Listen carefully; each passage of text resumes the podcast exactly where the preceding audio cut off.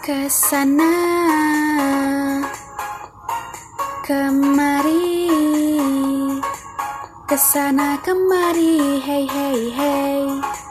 Penat hilang hati senang.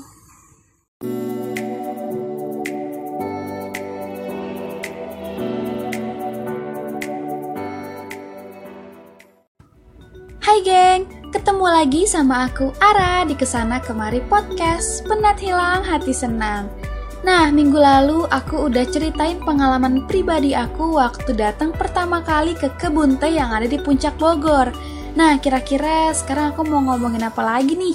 Ada yang bisa tebak nggak? Oke, aku mau bergeser sedikit yang kemarin aku bercerita tentang pengalaman waktu ke puncak yang ada di Jawa Barat. Sekarang aku mau bercerita pengalaman aku waktu datang ke tempat yang ada di daerah Kabupaten Magelang, Jawa Tengah. Nah, keluhnya tempat ini merupakan salah satu tempat yang pernah masuk ke dalam kategori 7 keajaiban dunia. Pasti udah tau lah ya, masa nggak tahu? Ya, sebener banget Candi Borobudur. Geng travel di sini ada yang udah pernah ke sana belum? Kalau udah, yuk kita berbagi cerita. Sebelum masuk ke inti cerita pengalaman aku berkunjung ke sana, aku mau ngasih sedikit informasi singkat tentang Candi Borobudur dulu ya. Jadi Candi Borobudur ini adalah monumen Buddha terbesar di dunia. Keren banget ya. Dan Candi Borobudur ini diperkirakan dibangun pada abad ke-8 sampai abad ke-9 di masa kejayaan dinasti Shailendra. Ada yang udah pernah dengar belum? Atau baru dengar sekarang?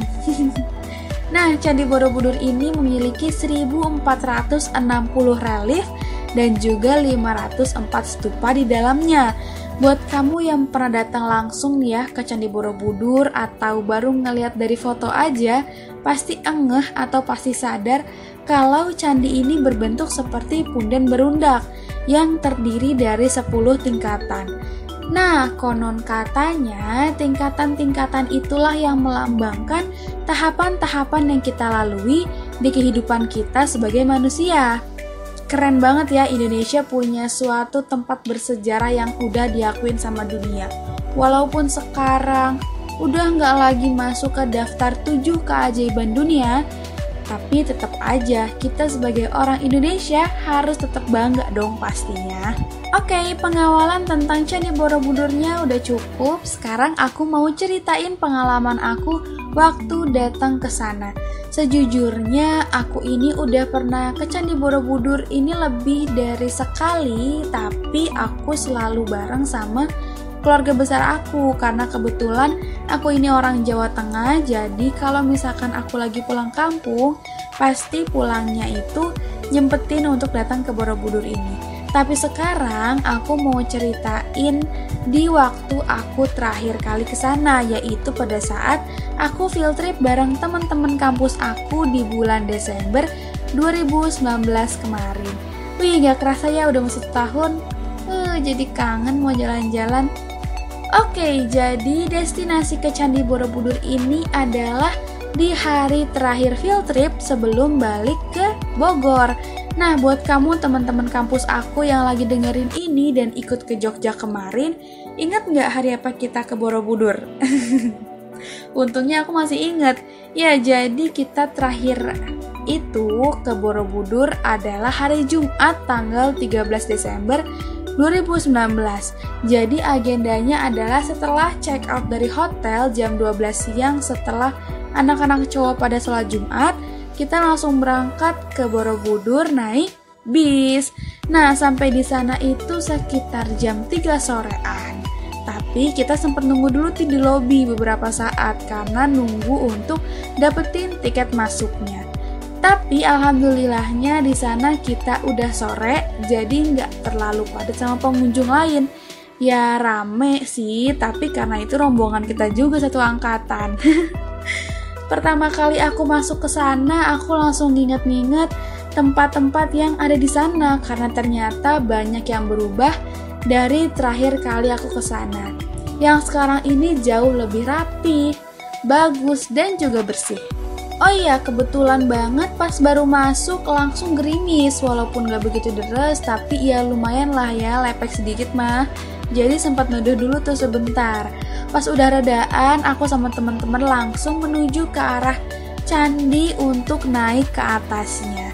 Oh iya, karena di sini aku sekalian tag video untuk memenuhi tugas, jadinya semua kenangan itu masih tersimpan rapi di dalam memori dan kamera. Jadi kalau aku nonton-nonton lagi, aku lihat lagi, jadi kangen banget mau jalan-jalan. Semoga pandemi saat ini cepet hilang ya, biar kita bisa jalan-jalan lagi. Oke, lanjut lagi ke cerita. Setelah sampai di depan candi, yang pasti aku lakuin adalah foto dulu dari bawah. Untungnya pas aku ke sana itu lagi nggak ada perbaikan apa pun, jadi kita bisa bebas naik sampai ke atas. Nah, langkah demi langkah kita lewatin, akhirnya aku nemu spot yang pas untuk foto dan kebetulan lagi sepi juga nggak ada yang foto di sana. Buat kamu yang pernah datang ke Borobudur dan naik ke atasnya, kamu pasti sadar kalau misalkan kita setiap naik ke tingkatan itu adalah tempat-tempat di mana banyak sudut kita untuk foto, untuk kita nikmati pemandangan dan segala macamnya. Udah pastinya aku sama teman-teman di sana foto bareng, terus take video juga dan nikmatin keindahan alam dari atas. Rasanya ah mantap. setelah kita udah puas foto-foto di tiap sudutnya, akhirnya kita ini ngelanjutin lagi naik ke atas. Ternyata di sana udah rame banget sama teman-teman yang lain. Kalau udah ngumpul, terus pemandangan juga mendukung, udah pasti banget harus keluarin sisi narsis kita nih untuk foto-foto karena kalau enggak, ya kelewat deh momennya kita nggak ada foto bareng. Eits, tapi di sini aku nggak naik sampai ke atas ya, karena emang waktunya udah mepet banget kan, itu udah terlalu sore, dan juga sekaligus aku nggak kuat kalau harus sampai ke paling atas. Eh, capek.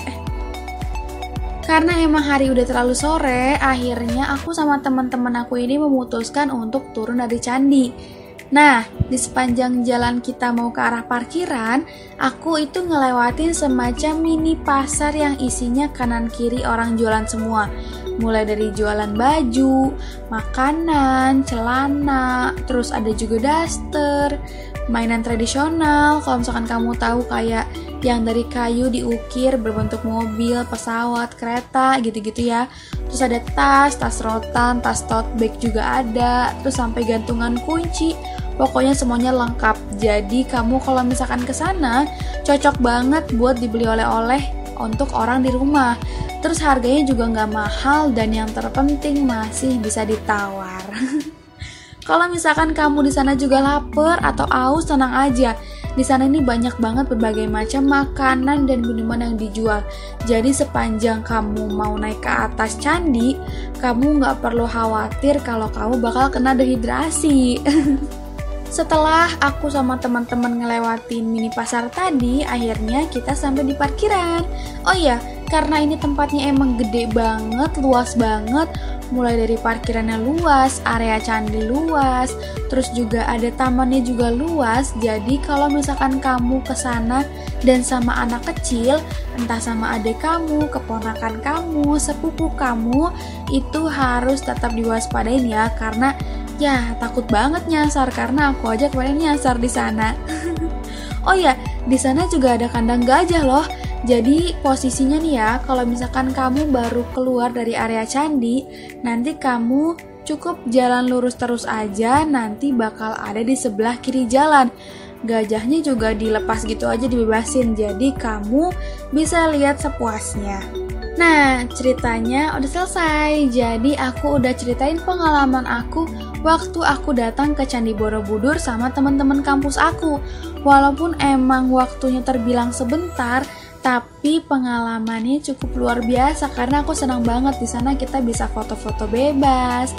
Terus kita bisa take video, kita ngeliat keindahan alam dari atas Candi Borobudur terus kita ngobrol-ngobrol bareng-bareng kita jajan kita beli oleh-oleh belanja terus kita senang-senang pokoknya menurut aku ini adalah destinasi yang cocok buat kamu kalau mau ngisi waktu luang untuk liburan bareng keluarga kamu bareng partner kamu atau bareng sama teman-teman kamu Sekarang aku mau kasih info mengenai harga tiket masuk dan juga tips and trick ala aku buat kamu geng travel yang mau ke Candi Borobudur dalam waktu dekat ini. Untuk harga tiket masuknya udah pasti beda ya antara dewasa, anak-anak dan juga turis. Jadi aku bakal sebutin harganya berdasarkan web dari Travels Promo per bulan November tahun 2020 ini ya. Jadi kamu bisa simak baik-baik. Oke, harga tiket dewasa lokal 50.000, tiket anak lokal 3 sampai 10 tahun adalah 25.000 tiket guide atau pemandu untuk kamu di sana yang baru pertama kali dan takut nyasar, itu bisa banget pakai guide harganya 100 ribu. Tiket rombongan minimal 20 orang buat kamu yang mau ngajak keluarga besar kamu, sama teman-teman satu angkatan kamu, teman-teman sekelas, atau bahkan sama siapa pun itu yang minimal 20 orang, itu harganya jadi 25 ribu aja. Terus tiket turis dewasa mancanegara 25 US dollar dan tiket turis anak mancanegara adalah 15 US dollar. Oke, harga tiket udah. Sekarang aku mau ngasih tips and trick ala aku buat kamu yang baru pertama kali mau datang ke Candi Borobudur atau yang dalam waktu dekat ini nih mau datang ke sana. Oke, check it out. Tips yang pertama adalah aku saranin kamu datang ke sananya ini mendingan pagi atau sore sekalian karena kalau siang itu cuaca lagi panas-panasnya dan terik banget. Tapi itu bisa disiasatin, kamu bisa pakai topi atau penutup kepala biar kepala kamu ini nggak langsung kena matahari. Oh iya, poin plusnya lagi kalau misalkan kamu datangnya pagi-pagi, yang pasti di sana masih sepi banget karena jam buka dari Candi Borobudur ini adalah jam 8 pagi sampai jam 4 sore. Tips yang kedua adalah pakai alas kaki yang nyaman karena nanti di sana kamu bakal jalan yang cukup jauh. Jadi alas kaki ini penting banget buat kenyamanan kaki kamu.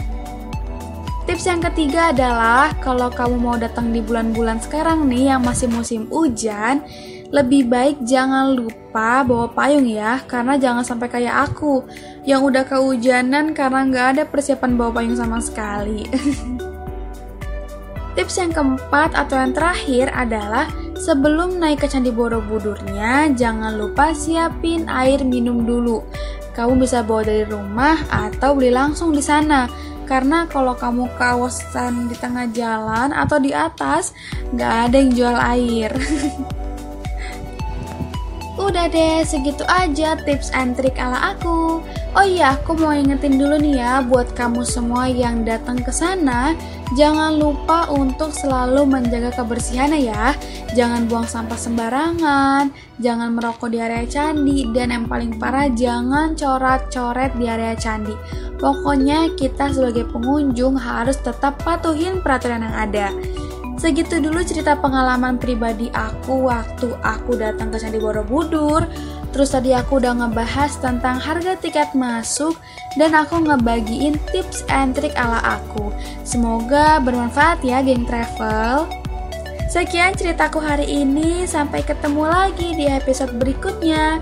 Di mana lagi kalau bukan di Ke sana Kemari Podcast, penat hilang hati senang. Have a nice holiday, bye-bye.